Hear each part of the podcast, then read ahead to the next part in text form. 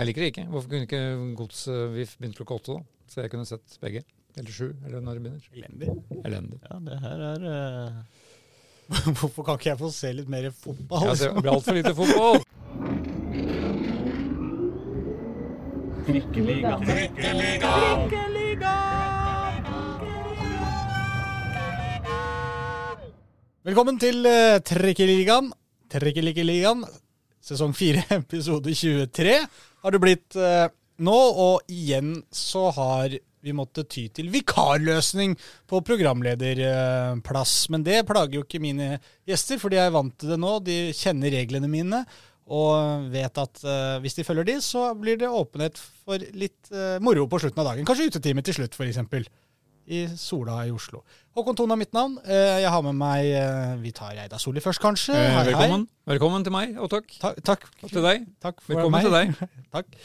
Uh, og Pål Karstensen, hei på deg. Hei på deg, Håkon Thon. Reidar, vært en ny eh, fotballuke i, uh, i byen vår. Hva, hva har du bitt deg merke i? Hva har vært det morsomste? Hva har du kost deg med? Hva har du irritert deg over? Jeg irriterte meg over, var da straffesparket til Johannes Nunes eh, i ekstraomgangene i gårsdagens cupkamp mot Åsane Ja. på Ekeberg. Ja. Tilbakevendende tema stenger som ligger i mål. Ja, ja jeg også misliker jo de som vi vet. For da tenkte jeg på deg. Ja, du gjorde For, det. for jeg så denne diffust på, på TV, og så gikk det her straffesparket hardt ned i venstre hjørne. Mm. Traff selvfølgelig den stanga som lå der. Spratt opp i tverrliggeren, og så ut. Ja. Men alt gikk veldig fort, for Ja. det var ganske hardt. Så det kunne, hvis, du satt litt feil i, i skygge mot sol, Ja. så kunne det se ut som den, kamp, den ballen gikk utafor. Ja, så det er ikke straffesparket i så måte du er irritert på? Nei. Nei. Nei, straffesparket er helt Det er greit. godt. Og ikke irritert på Johannes Nunes, selvfølgelig. Han Nei. er jo veldig hyggelig kar. Ja. Men irritert på den uh, må Stanga. målene Ja. på K5 Arena. Ja. Jeg er selvfølgelig helt enig. Du preker for koret her. eh, Nei da. Så det, på direkte spørsmål om hva som irriterte meg mest i går, så er det svaret. Ja. Har du kost deg med noe, da?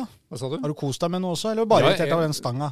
Nei, jeg, jeg klarer også Jeg klarer å nedkjempe slike følelser Ja. i det store bildet. Ja. Så um, Årene har gitt deg noen knep.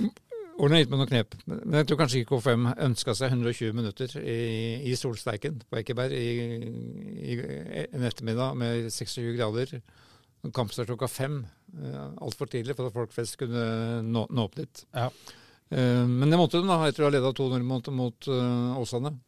Og så, og så klarte da um, Hvem var det som tok på seg rødt kort her? Uh, Sjola. Eh, Akin Sjola, ja.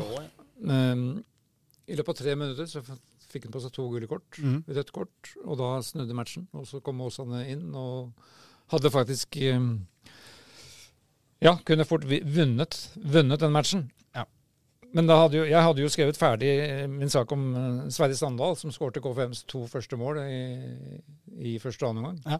De leda 2-0 etter en time, og alt så jo bare Det så ikke ut som å spille klokka fem i solsteika gjorde dem noen verdens ting. Ikke for, ikke for han, det det spilte ingen rolle. Men det snudde jo, som det gjør i cup, så det ble, endte jo morsomt da med at de vant 4-2 etter ekstraomganger. Men um, Men når du først skal spille ekstraomganger i solsteik mest kampstart klokka fem på Ekeberg, så er det kanskje morsommere å være KFUM enn å være Åsane, på en måte. Som i tillegg har reist fra Bergen. det er klart. Det, det er betydelig morsommere å være K5. Til slutt. Til slutt. Ja. De er vel heller ikke vant til var- mye sol, de som kommer fra Bergen. Det tror jeg ikke. Nei. det var jo så morsomt at til og med, selv om det var meget hissig der, det var morsomt, morsomt å høre på, på Johannes Mosgaard og Daniel Fredde for de var så hissige. Ok, De, de, det var, det var Så de merka sola. Merk, de hadde fått um, de, var, de var hete. Ja. hete i toppen, så det var nesten rart at de ikke fikk gult kort. I hvert fall Johannes. Han var meget klar i sine budskap til assistentdommer. Ja. Det handla egentlig om bagateller. Men det endte godt, så de kunne sende Daniel Fredheim Holm til NFFs eksklusive cuptrekning eh, Ja. på Ullevål stadion klokka ti eh, onsdag kveld. Hvor de trakk Kjelsås. Kjelsås. Det er eh, morsomt. Da eh, har vi hørt litt fra din uke. Hva med din uke, Pål? Nei, jeg var jo Den er vel, du har vel fylt den opp som vanlig med litt ball? det, Altså, ball må det bli. Ja. Jeg var jo på Kjelsås eh, i går. Eh, min eh, beste stadion eh, har vi funnet ut. ja. Vi var jo på Grydeland TV, som vi kaller det, eh, tidligere i uka. Da måtte vi jo rangere vår eh, der vi liker oss best. ja vi, vi, der reklamerte vi jo for Trikkeligaen. Ja. Så når vi sitter her, så når vi reklamerer da for, for det fotball-TV-programmet til Jørgen Grydeland, så reklamerer vi jo nå egentlig for oss selv. Ja. Se på oss. Se på oss. Ja. Ikke, Ikke fotball-TV, se på oss. Nei, men Men hvordan takla du den store overgangen? Nå var jeg på TV, ikke på radio. Jeg tror vi klarte det bra, jeg. Begge, begge stilte i skjorte Ja. eh, for anledningen. Som var, kom overraskende på eh, hverandre og på programleder og alt. Stilte ikke de nye trikkeligaskjortene? Har vi fått nye? Har vi ikke det? Nei, vi har, Nei, ja, nei, Nei, vi har gjorde ikke det. Nei, vi gjorde ikke det. Det burde gjort. Ja, har vi, jeg skjønner ikke, tuller dere nå, eller? Ja, dere tuller? Ja. Ja. Tuller da. ja. For da hadde jeg blitt rasende hvis dere hadde egne trikkeligaskjorter jeg ikke har fått det. Nei, men du har vært på TV, og du har sett på Kjelsås. Ja, Eh, og eh, vi må jo ta med cupen eh, mot uh, Lyn Vålerenga forrige uke. mm. Det er jo en uh, uke siden. det. Ja. Det var også Nei, men bør vi ferdig med Kjelsås nå? Eh, Jeg vet ikke, du eh, Nå oppsummerte vel bare Pål kjapt eh, hva han hadde Jeg kost seg med. Men du var på, Jeg oppsummerte bare spørs, det Jeg svarte på spørsmålet. Jeg. Ja, ok. men du var på hvilken Kjelsås-kamp? Var det cup, eller var det serie, eller? Jeg var på cupkampen i går kveld, eh, onsdag kveld, mot Jerv. Ja, Da kan vi godt snakke litt om den siden, vi først, siden du tar den opp. Så kan vi godt snakke om den. For jeg var jo på den forrige cupkampen dem, som heller ikke snakket om, mot Stabæk. Ja, Som kanskje var enda mer Men det er jo en uke siden. Ja da, men uh, la oss snakke litt om Kjelsås, for dem er jo blitt liksom er i ferd med i hvert fall å bli et av disse cup-Askeladden-lagene denne sesongen. Du har jo Brattvåg som imponerte ganske, ganske godt her mot Haugesund nå, men, men Kjelsås som slår ut Gjøviklin også. må vi da nevne for vår trofaste lytter på Gjøvik. Eh, Ja. De slo jo ut til start. Men det er ikke et Etter- eliteserielag. Nei da, men Nei, da, også, og Start skal jo slås ut på en, et eller annet tidspunkt. Ja, For Start Start skal jo ikke til cupfinalen. Så det er like greit at de bare gjorde det med en gang. Start tenkte nok som så. Men tilbake til Kjelsås. Ja, for vi må snakke om. Kjelsås, som har slått Stabæk, et eliteserielag, og følger opp med å slå det som forrige sesong var et eliteserielag, Jerv. Ja. Eh, kjempeimponerende, rett og slett, det Kjelsås eh, leverer. Jeg vet ikke, om vel, eh, Siden du var inne på det, Pål, kan du ta litt om den kampen kanskje først i går?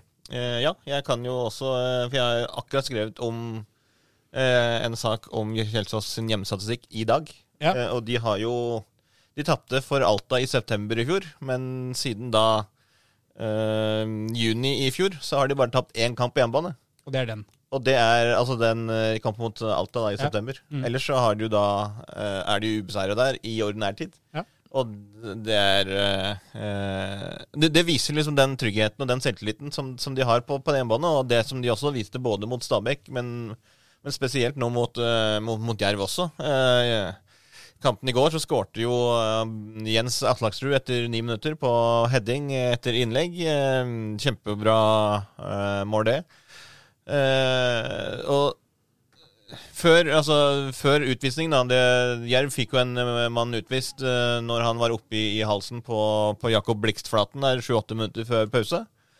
Eh, før det så hadde Jerv en god del av ballen, uh, mens Kjelsås var ekstremt uh, giftige på, på kontringer. Veldig direkte i, i lengderetningen. Skapte sjanser nesten, nesten hver gang de hadde ballen. Og etter utvisningen så ble det jo selvfølgelig at Jerv la seg veldig dypt. og da ble det skapt veldig, veldig lite. Egentlig nesten hele andre omgang. Eh, før Jens uh, Bonde Atlaksrud igjen da dukka opp på bakre stolpe og skled inn et skudd fra Ola Bjørnland åtte minutter på overtid, var det vel. Så det var eh, Altså, det var veldig, veldig fortjent eh, etter eh, spill og sjanser i den kampen. Og det var vel første gang siden 1999 at eh, Kjelsås har kommet seg til eh, fjerde runde. Eh, Så nå De ønska seg dårligst mulig motstand, slik at de kunne sette klubbrekord. Ja, Og det jeg vet vel ikke Altså, Koffa var ikke dårligst mulig motstand. De Men det var ikke det verste de kunne fått heller. Heller ikke det verste de kunne fått. Og spesielt siden det er hjemme på Grefsen. Så blir det en veldig spennende eh, kamp, det. Altså i neste runde i 28. juni, var det det? Kampen, Ja, ja, for det viktigste med den trekninga var jo at de fikk hjemmekamp. ja, ja, ja absolutt. Altså, i- i- altså, spesielt i år, da, så har de jo De er jo best i avdelingen på hjemmebane. eh, Og det er bare Vålerenga 2 som har tatt færre poeng enn de på bortebane. Og det er jo fordi Vålerenga 2 har tapt alle kampene. Ja. Men, men Kjelsås har vel ikke vunnet bort en av de, eller? Nei, nei. De, de har bare ett poeng. Og det er synd da, at de roter seg bort i serien. De Ja. hadde jo en død kamp mot Eller død og død, men eh, de tapte for treff. Da imellom disse to cupbragdene. Ja, og kampen Altså, det var jo for så vidt en OK prestasjon av Kjelsås, som jo var det beste laget der òg, men det var jo to horrible feilpasninger som jo gjorde at Treff skårte to mål. Og da, når du gir vekk to mål, så og ikke skårer sjøl, så blir det ikke poeng. Men jeg tror Kjelsås, sånn man på en måte kjenner Kjelsås eh, de, altså Det er mange lag som er litt sånn Jeg tar heller seier i serien og med, prøver å henge med i toppen der enn å, enn å vinne noen cuprunder. Men jeg tror, for å være helt ærlig, jeg tror Kjelsås syns det er morsommere å gjøre det her i cupen enn å slå treff midt imellom der. Ja, og det tror jeg publikum syns òg. Ja. Det var litt fascinerende. Det, jeg var jo på Stabekk for en uke siden. Da, Ja. da, de rundspilte jo Stabekk i første omgang, med, ikke minst pga. Rasmus Eggen Ving, nei, Rasmus Eggen Vinge. Ja. Som jo spilte helt fantastisk, og kommer ikke til å være lenge i den klubben der. Når litt flere enn de de møter, oppdager hvem slags kvaliteter han har. Ja, for det er jo det, det, er det du må får i cupen med dette utstillingsvinduet, på en måte. At det, ja, Ja. du, Rasmus Eggen Winge kan gjøre dette her mot lag i andredivisjon, men når du viser det mot både Eliteserien og sånn, han var god mot uh, Jerv også, Mm. så er det noe helt Du ser det på han du, det, At det er på en måte et snepp opp fra de andre. Mm. Måten han bare Hvor fort han kan bevege seg med ballen, retningsforandringer. Og så litt, litt selvtillit på toppen av det hele som han har om dagen også. Så er jo det en kjempegøyal spiller som Hadde jeg sittet i, i Ja, altså, og skulle bestemt i en eller annen klubb høyere oppe i systemet, hadde han i hvert fall vært en het kandidat. Nå har jo Tromsø henta rubbel og bit nesten fra, eh, fra Oslo i det siste.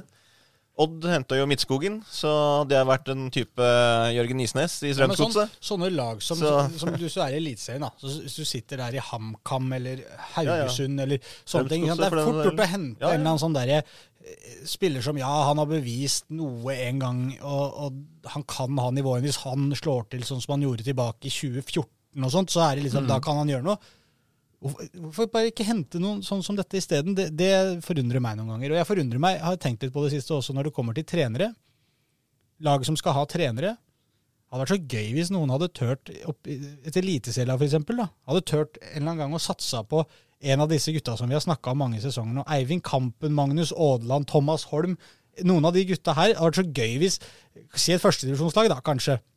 Kanskje ikke eliteserie. Det høres veldig rart ut, for det er jo ingen som noen gang gjør det. For det er jo sånn, det er en helt annen jobb og disse tinga her. Men det hadde vært gøy, på en måte. Når de får Hva, hva, hva vært gøy å Om noen av de klubbene hadde turt å også ikke bare satse på unge spillere fra Oslo, men noen ganger turt å kanskje prøvd å hente noen av trenerne også fra Ja. Oslo. Det ville Oslo-trenerne ut i landet. Jeg vil vel ikke det. Jeg, vil jo, altså, jeg unner jo Eivind Kampen å få en mulighet.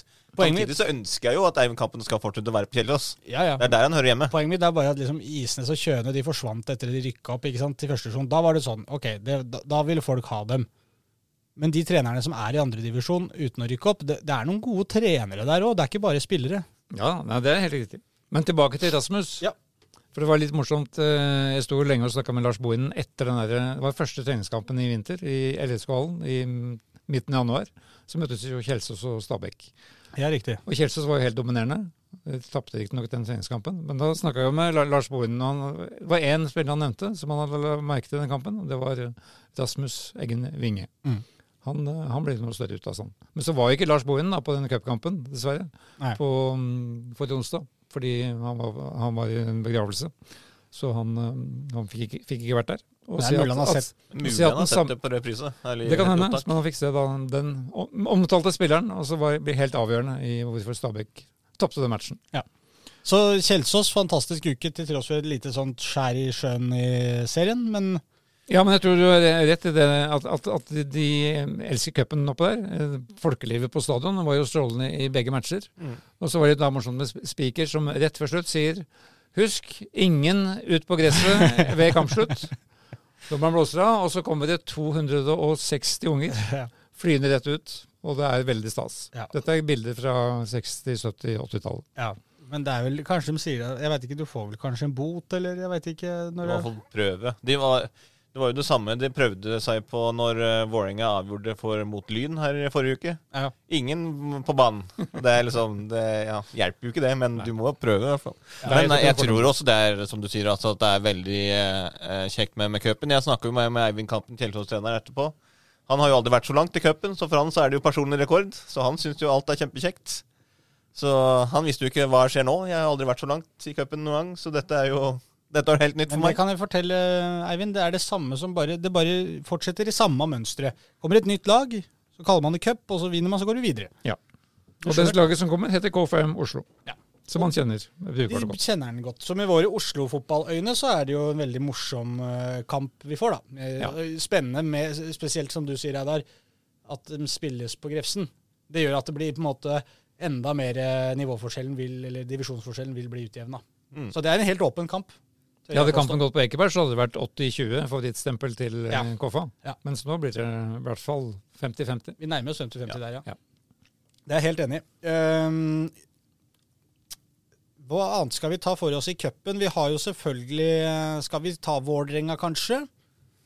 Det har ikke Ja, de er jo med. vært noe Det, de, er jo da det siste Oslo-laget. De er jo med, så vidt, Oslo-laget som er med. ja. Så vidt vi husker, det er jo liksom, de har jo ikke spilt eh, De slo Råde i første kampen, den har vi prata om. Og så fikk de jo da den der kjempekule kampen mot, uh, mot Lyn på Bislett. Og så hangla de seg videre, får vi si, der også. Uh, selv om fotballkampen i så måte blir en liten parentes. Det var folkefesten på Bislett som, uh, som var på en måte overskriften i denne kampen.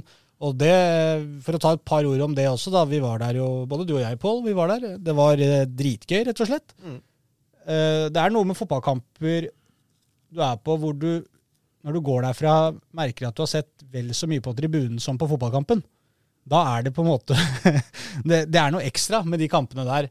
Og når vi kom ja Vi var der ikke så tidlig, men vi var der vel i hvert fall et kvarter, 20 minutter før det starta. Da så det ut som Bastionen i hvert fall hadde vært der en god stund allerede. Ja, du var der jo ganske tidlig, ja, jeg var tidlig, der faktisk, jo ganske tidlig, og da var det Det var masse folk eh, der ganske tidlig. Eh, Det var jo eh, motsetning til forrige gang, det var vel to år siden, når det ble Ja. veldig mye slagsmål utenfor, så var det vel nå veldig mye politioppbud utenfor stadion. Så det var vel eh, Altså, det var kanskje da mer eh, at publikum trakk inn på stadion litt tidligere. Ja. Så det var ganske god stemning der eh, eh, fra, fra tidlig av, og det var litt sånn de lagene her møtes jo ikke så ofte eh, nå lenger. Og i hvert fall nå som Lyn er liksom litt på en opptur, så kan de liksom sette liksom, jeg, sto- eller, uh, storebror litt på, på plass da, i et Vålerenga-lag som har kanskje slitt litt mer i, i, i serien, selv om de jo er et par divisjoner over. Ja. Og den her kulturforskjellen der, det er noe som, som er en helt eget, som du ikke har noe annet sted i, i hele Norge. Ja. Så det oppgjøret der Vålerenga-Lyn, det er liksom det, du, du har ikke noe annet som det i, i Norge. Og én ting er jo at du er et eh, andredivisjonslag som nylig rykka opp fra tredjedivisjon, som skal spille en cupkamp mot et eliteserielag. Altså, det er jo det vi har eh, på papiret her, sånn sportslig. Så er det jo det, det som skjer. Eh, og bare den derre mobiliseringa supportermessig fra, fra Lyn, som er på en måte det er, ikke, det er jo ingen andre lag i Norge som kan mobilisere sånn, som ligger i det, den delen av norsk fotball. Som spiller på en stadion som Bislett. Og nå fikk vi noe tilskuertall. og Var det du som sa det var 7-7-7? Det det tok en uke før det kom, ja. Ja. Så det tok lang tid å telle. Det er uvant med å telle slike tall. Så det ble 7-7-7-7. Ja, Ja. mulig å huske. Det er mulig å huske. Ja. Ja. Men, eh, men det, det er jo det som gjør det så kult, at de på en måte De matcher Vålerenga både på banen og på tribunen. Ja. Eh, og det er, det er det som er så kult. Skal det sies at man så kanskje divisjonsforskjellen litt på, på ressursbruken på tribunene når de kjørte, når de kjørte intro-TIFO-opplegget sitt eh, før der. Altså, Ikke noe gærent med Lyn sitt. De kjørte bluss, og de hadde lagd en uh, Lyn-greie med anno ja, er, Nå husker jeg ikke når de er eh, stiftet. 1896. 1896, ja. Bare spør Eh, meg, bare spør meg. Ja, ja, jeg gjør det. Du var vel med? Du var vel Selvfølgelig. Men allikevel, det var noe eh, Mens Vålerenga hadde litt mer forseggjort greie som dekka på en måte Og jeg syns jo det er noe dritkult med den svingen som Vålerenga hadde nå på Bislett også.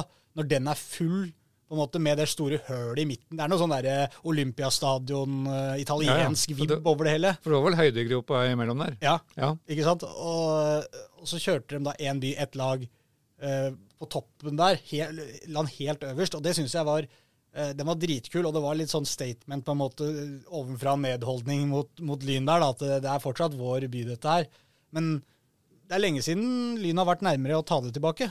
Ja, for jeg så jo På sosiale medier så var jo Lyn-folk veldig opptatt av at de vant tribunekampen. Ja, Jeg men vet, sånn vet, er vet ikke om det er riktig, altså, men uh... Ja, men Lyn var bra. Eh, Ja. Det er det jeg sier. Altså, de, si at Vålerenga vant fotballkampen 2-1, så, så var det i hvert fall uavgjort på tribunen. Jeg synes det er vanskelig egentlig. Jeg liker jo ofte å kåre vinnere på tribunen. ja. Uh, og det er jo eneste som egentlig kan gjøre det, er jo folk som sitter på en sånn såkalt nøytral tribune, som vi mm. egentlig gjorde nå, selv om det var Og det skal sies på den nøytrale tribunen på Bislett der òg, hvor vi satt. Der var det litt vanskelig å vite folk heier, hvem folk heia på. Det heier man ikke, det klapper man. Ja, men du jubler når det blir scoring og sånn, ikke sant? Ja, ja, ja. Og det var jo, Til nød. Ja, og der tenkte jeg det var kanskje 50-50 med folk, men det var jo nesten bare lynfolk der.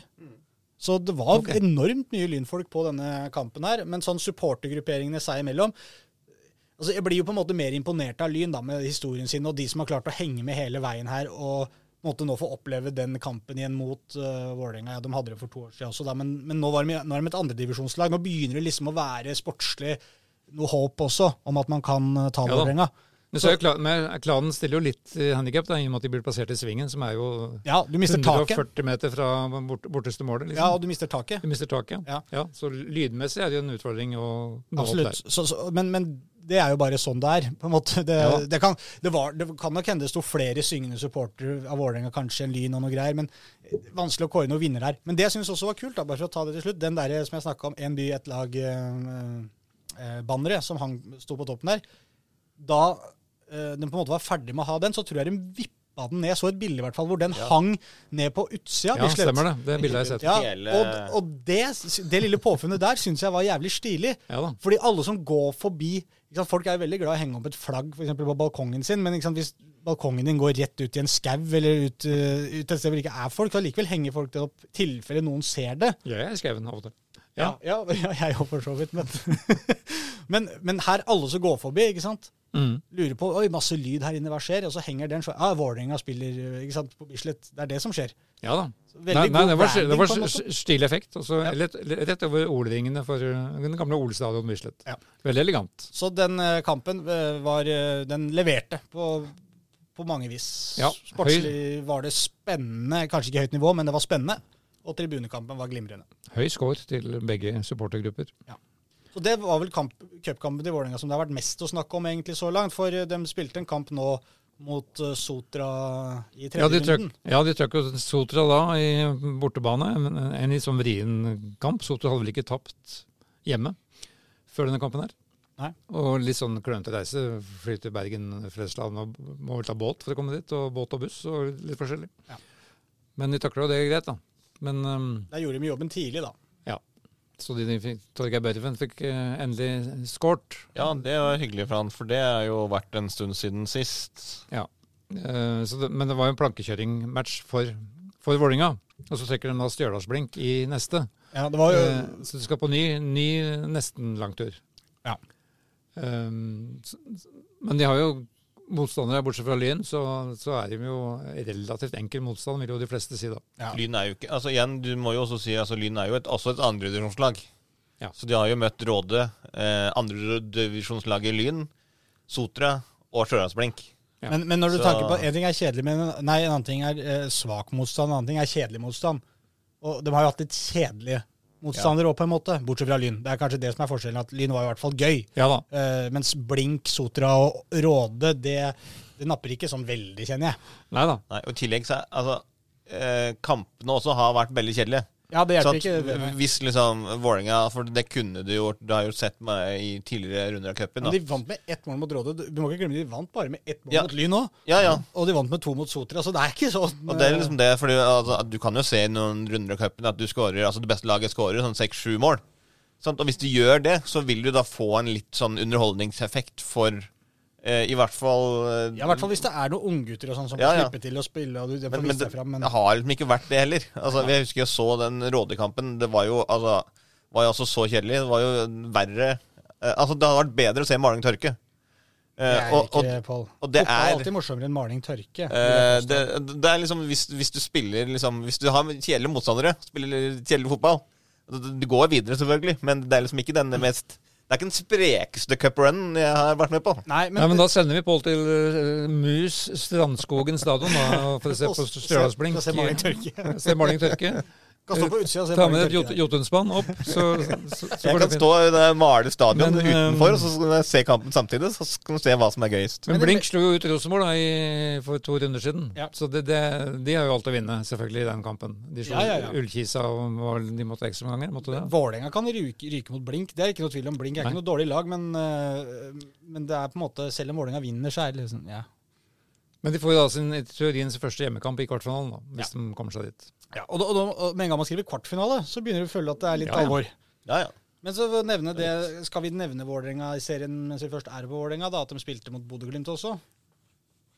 Ja, det kan vi jo, det kan vi jo gjøre. Og de har jo ja, og tapte 1-3, som alle hadde forventa Ja. i den matchen her. Jeg, fikk, jeg så ikke den, men det har vel andre gjort. Men eh, jeg skjønte at uh, Det skjønte jeg ikke helt. Det var noen som påstod at det var pinlig på Vålerengas vegne. Ja, jeg også reagerte på det, at det var så mye- ikke- Hvorfor var det så pinlig? Altså, Det, hørte, det hørte jeg før jeg så resultatet, så måtte jeg inn og sjekke. Ja, 1-3. Er det så skandaløst, liksom? ja, jeg også tenkte det. Men, men eh, det, Det- det var vel noe med at Vålerenga var ganske langt unna Ja, og det i det hele tatt være i nærheten, på en måte. Også Ja. selv om resultatet når, som, som du sier, ja, hvis du går inn og så For jeg gjorde det samme. Jeg så heller ikke kampen.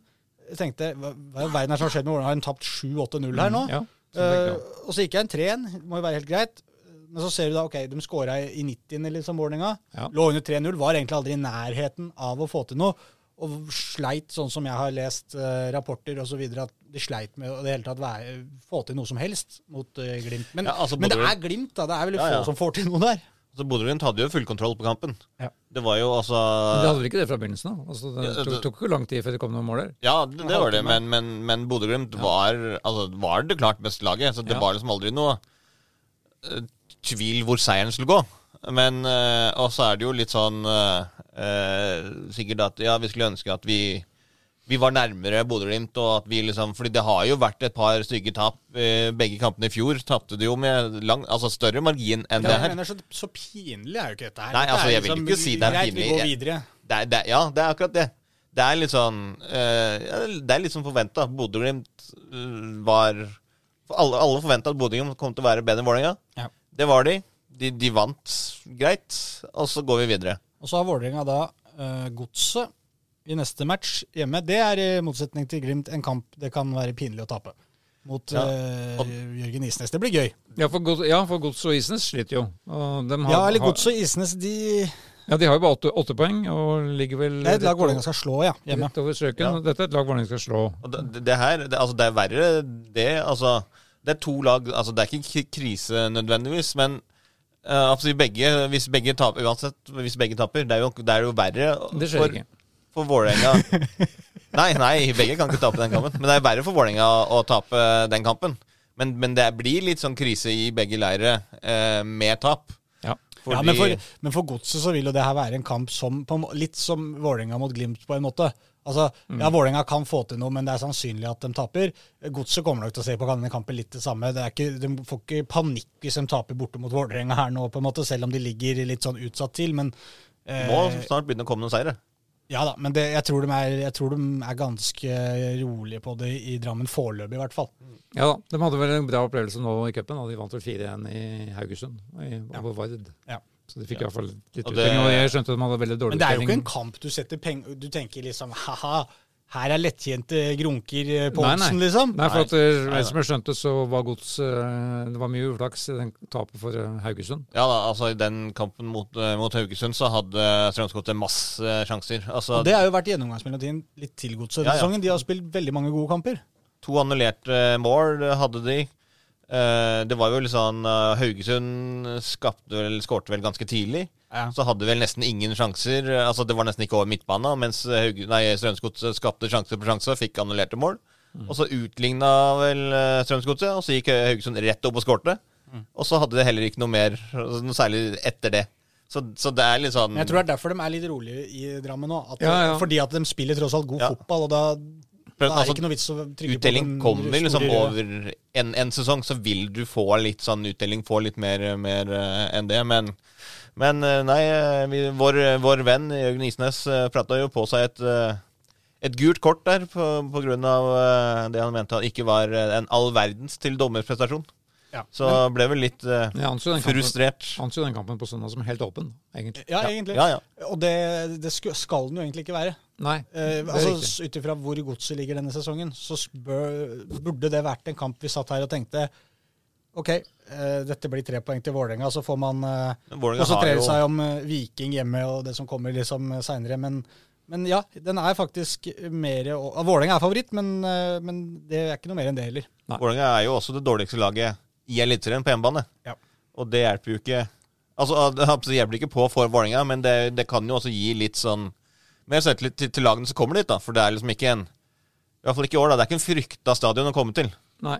Det er ikke det. Men Eh, tilbake, litt tilbake til eh, den Glimt-kampen, for det jeg stussa på da, var jo litt sånn stoppevalg. Eh, hva han velger når, når han skal erstatte Når de to førstestopperne ikke, ikke Det var vel Heggheim som ble skada der. Eh, Ja, han var ikke med. Og, da, mm, og da har vi henta vår venn fra KFM som en eh, som, eh, Kiel Olsen. som jeg oppfatter som et tredjevalg. Ja. Men det er nå tydeligvis ikke lenger, da. Nei. For nå må vel, da var det vel to mann som ble brukt på stoppeplass før, eh, foran, foran han. Eller han, han ble ikke brukt i det hele tatt, mener jeg. Nei, og Kiel Olsen, de gangene han har kommet inn, så har det jo vært på spissplass. Ja, han kom jo inn i cupkampen mot uh, Lyn, da. Ja. Nei, ja. jo. Jo. Han kom inn der, ja. Ja. Så Han ja. starta ikke. Men nå var det Oldrup Jensen da, som igjen ble trukket ned som, eh, som stopper ved siden av. Og det sa de jo oppsi før uh, sesongstart. Så hadde vi jo en prat med, med både Oldrup Jensen og, og Fagmo igjen på, på Marbella. Og da sa de at i år så skal ikke det skje. Nei. I år så skal han ikke trekkes ned der, og det kan spilles på midtbanen. Og så, men så gikk det jo da en uke, og så ble jo han uh, islendingen solgt til HamKam. Og etter det så har jo Oldrup Jensen spilt ganske mye der eh, likevel. Eh, og det er jo også mye, mye igjen fordi de har eh, eh, de, de har de på midtbanen som jo er bedre enn Oldrup, liksom. Så hvis Oldrup skal få spille så mye, så er det enten å komme inn på slutten for noen på midtbanen, eller å spille stopper. Eh, som er hvis han skal få spilletid. Men, Men, hvor, men hvor står Kiri Olsen i dette bildet? Nei, det er akkurat det. Det er jo litt merkelig, og spesielt siden han var jo kjempegod for, eh, for eh, Koffa i fjor. Og han er jo U21-landslagsspiller. Ja. Så hvis du henter han for å spille eh, midtstopper, så må du gi han litt eh, Altså, du må i hvert fall la han prøve seg, da. Men det var jo litt det her man var litt redd for òg. For det er sånn, han spilte en god sesong i Koffa. eh, og viste at han var en god spiller, men hadde jo også spilt på seg mye selvtillit. Eh, og jeg er redd for at den selvtilliten som han hadde, den er jeg litt redd for at har uh, knukket litt. For Han kom jo som sagt inn i den kampen mot Lyn. Da kom, kom han inn til pause, jeg er litt usikker, men da skåra Lyn like etter uh, pause der. Og han hadde ikke noe sånn spesielt god omgang egentlig da. Og det- virker som at det mangler liksom akkurat det som han hadde trengt, da, å bli satsa på et sted. Det, ikke, det blir han jo ikke i det hele tatt. Nei, for i- Uavhengig, uavhengig av hvilken rekke han er i køen, på en måte, så er han jo for langt bak til at eh, det blir noe utvikling på dette. Ja, og vi så på, det kunne jo tenkes at den kunne blitt brukt i går mot Sotra, men da var det jo Aldrup Jensen og Heggheim som var midtstoppere. Ja. Uh, og han satt på benken hele matchen. Så litt rart. Men Ja, og det er jo det. Og, og spesielt også, eller altså det er viktig å ha av backup, men uh, Vålerenga har jo kanskje det største Eller som de sier selv, da, et enormt stoppertalent i Alexander Hammer Kjeldsen. Mm. Og hvis det er liksom sånn at de, de skal altså ikke bruke Kill Olsen, da, da, da kunne det kanskje vært bedre å gi de minuttene de skal, da, faktisk til Hammer Kjeldsen.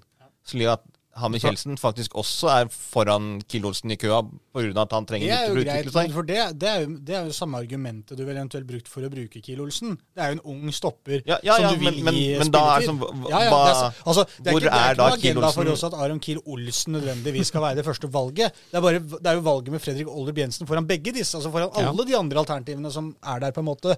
Som er unge, spennende stoppere.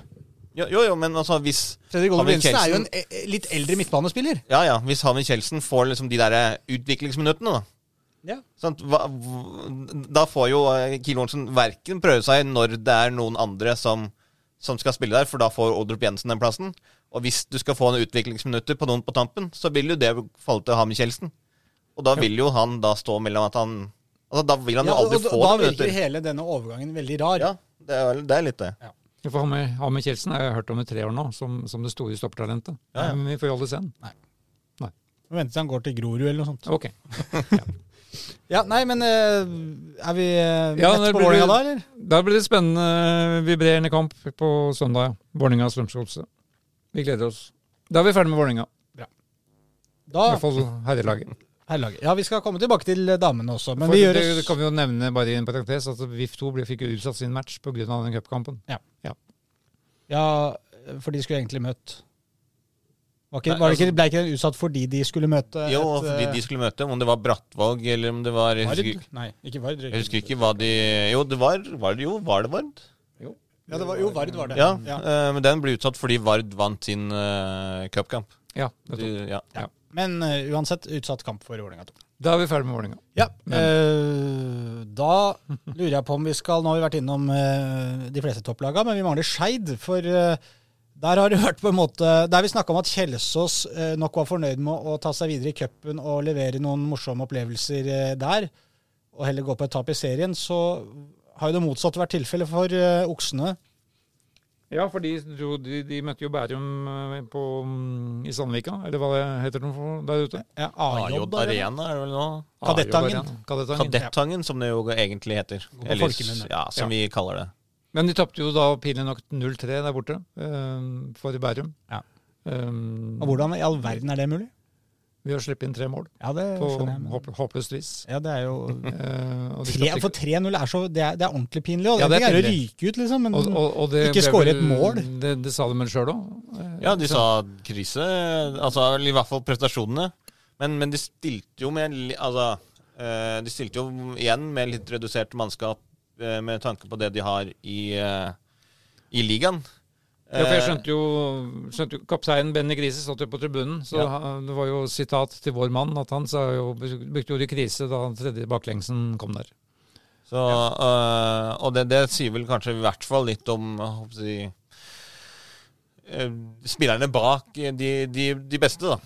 Fordi de tok vel ikke øh, De tok vel ikke vare på den sjansen de kunne fått til å vise seg fram i den kampen her. Nei. Fordi det var jo et lag som øh, øh, i hvert fall ifølge de rapportene og det lille jeg har sett, som Bærum var klart best, liksom. Og Skeid var faktisk ikke bedre enn det de leverte i den kampen. Nei, men de stilte med litt eh, mannskap. Hva sa du om mannskapet der? Det var litt Var det et rent B-lag, liksom? Nei, eller? nei, nei, det var ikke Det var litt Ja, det var en kombinasjon. Ja. Det var litt, altså, det var litt mer Ja. Eh, Litt sånn som du spilte i den første kampen også. Ja. Litt redusert eh, A-lag. Altså ikke, ikke rent B-lag, men heller ikke toppa eh, Men, lag. men, men det som er fascinerende her, vi snakka akkurat om Aron Kiel Olsen, Hammer Kjeldsen, Vålerenga, cupen, Sotra, Råde.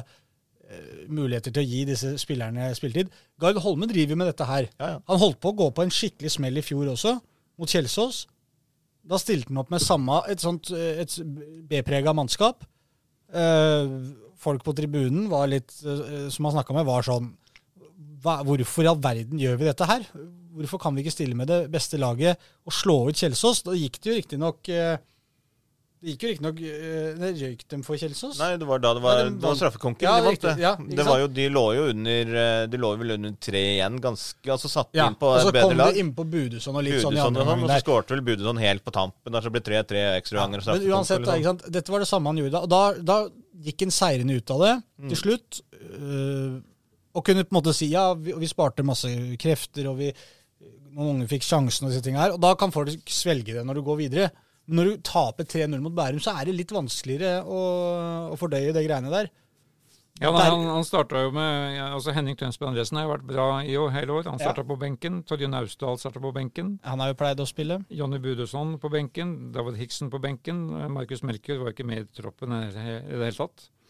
Så det klart det var Um, Det er heller ikke Benny Krise. og heller ikke Benny Grisen her. Nei. Så det klart det var en del fravær her. Ja, ja, da. Og det, ja, og det er jo mer enn nok for å utjevne altså divisjonsfordel. Det handler jo ikke om eh, hvilke spillere du har på 20., 21., 22. rekke i, troppen din. Det er jo de 11 stort sett, 11, 12, 13 beste. Og tar du ut halvparten av de, så er jo plutselig et, eh, et andredivisjon, tredjedivisjonslag, ikke sant? Ja, da, for Han hadde jo også navnet Andreas Haraldsen som midtstopper. Mats Aasrud spilte fra start. uh, Syver Aas, han som de har henta på, på lån. Og Ivar Eftedal foran. altså Dette er jo nye navn for folk flest. Men som Gard Holme sa etter matchen mot Bryne, hvor han ble litt spurt om dette her, så, så sa han at han ville at det laget skulle det, det laget skulle komme seg videre i cupen. Det skulle være godt, godt nok til å slå ut Bærum.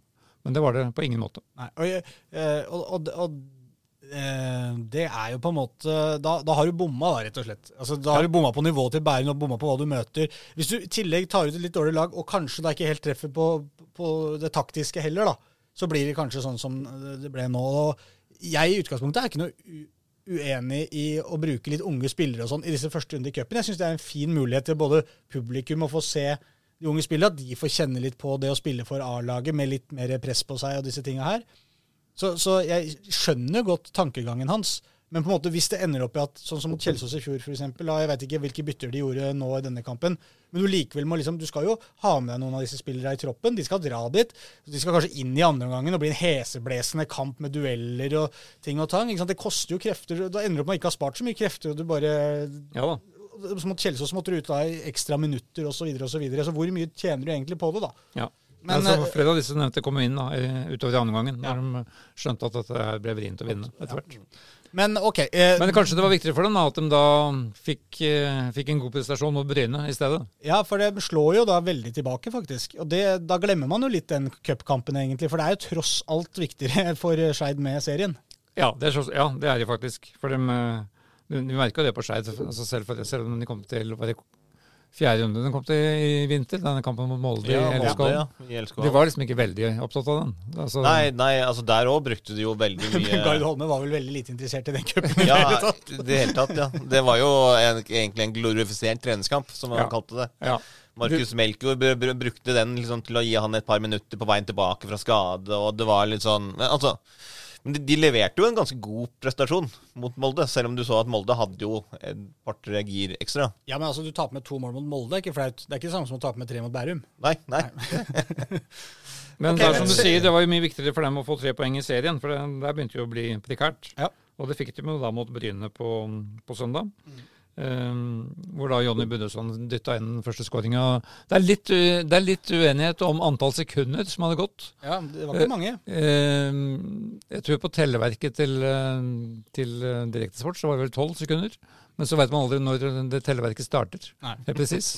Så noen opererte med 24, og et sted har jeg sett 36. Jeg, tror- jeg tror det var litt mer enn 12 sekunder. Det høres jo ikke ut som dette er så vanskelig å finne ut av. Det er vel bare å sette på kampen i reprise og ha en stoppeklokke. Det, det er grunnen, men det har, så, sånn trekker ikke vi. i Det kan jeg gjøre nå mens du snakker om det. Det kan, det, kan, det kan du gjøre.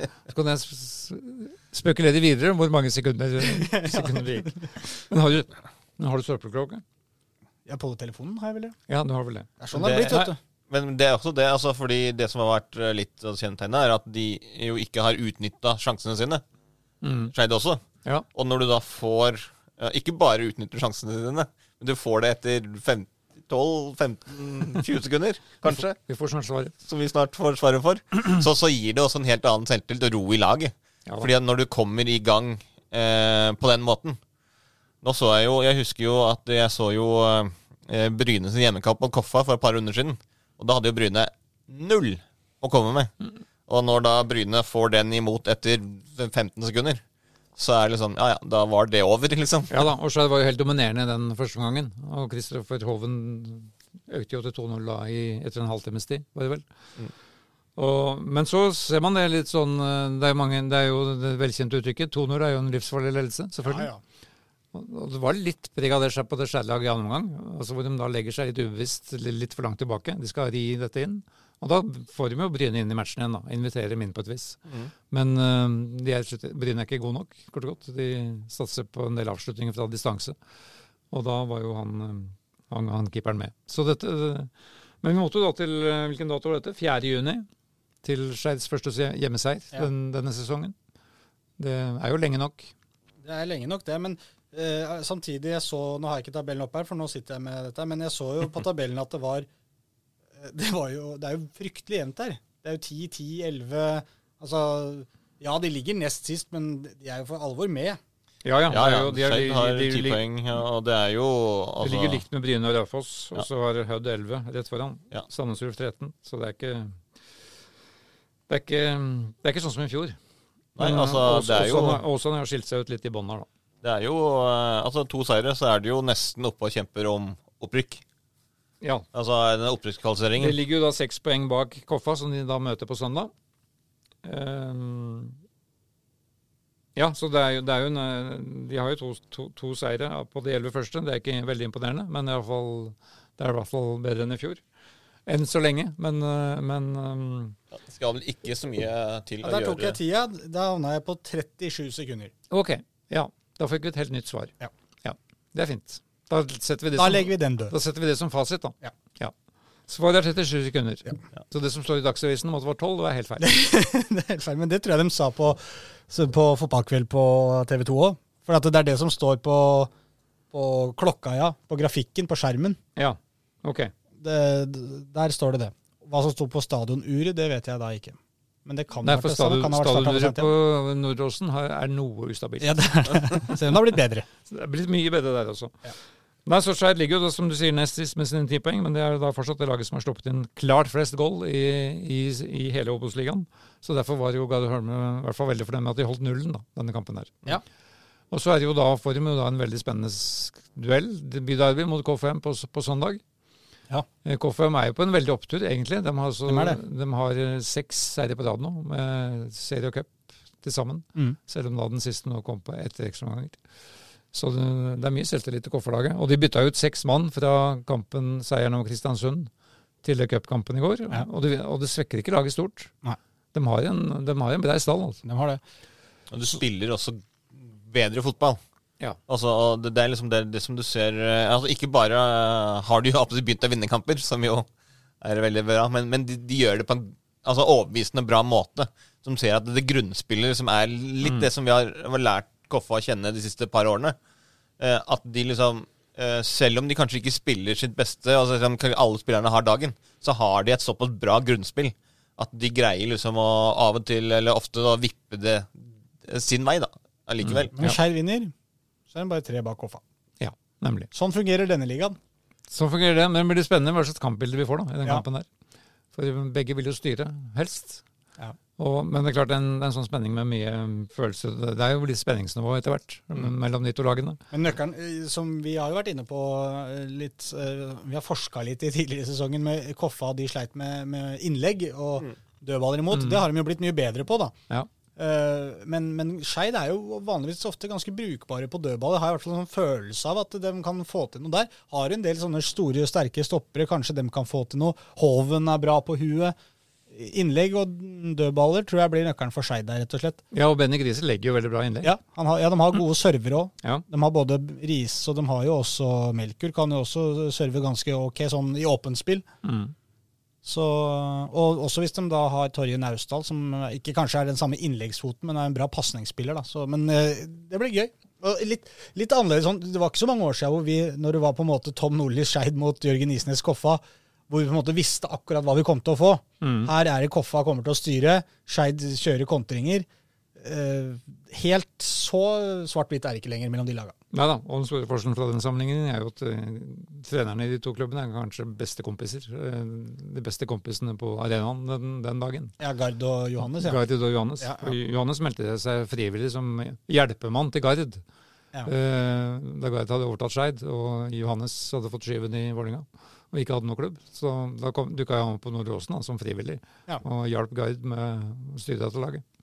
Så det er relativt gode kompiser på sidelinja. Ja, med fortid begge fra Vålerenga og Vålerenga 2 og Ja. ja. Vålerenga-systemet. Ja. OK. Eh, Skeid, er, er vi nøyd? Er vi nøyd da?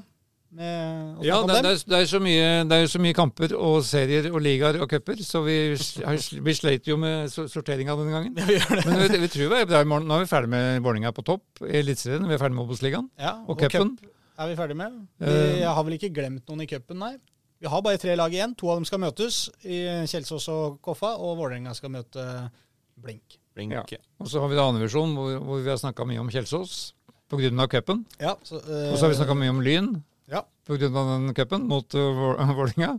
ja vi, vi har vel ikke nevnt kanskje Lyn uh, Nei, de var- Vi har ikke tatt uh, å si det som vi tok uh, uh, på, på TV, uh, seriekampene, i forrige serierunde. Nei, vi tok Kjelsås sin, da. Eh, ja, men for at Grorud og, og Lyn Lyn først.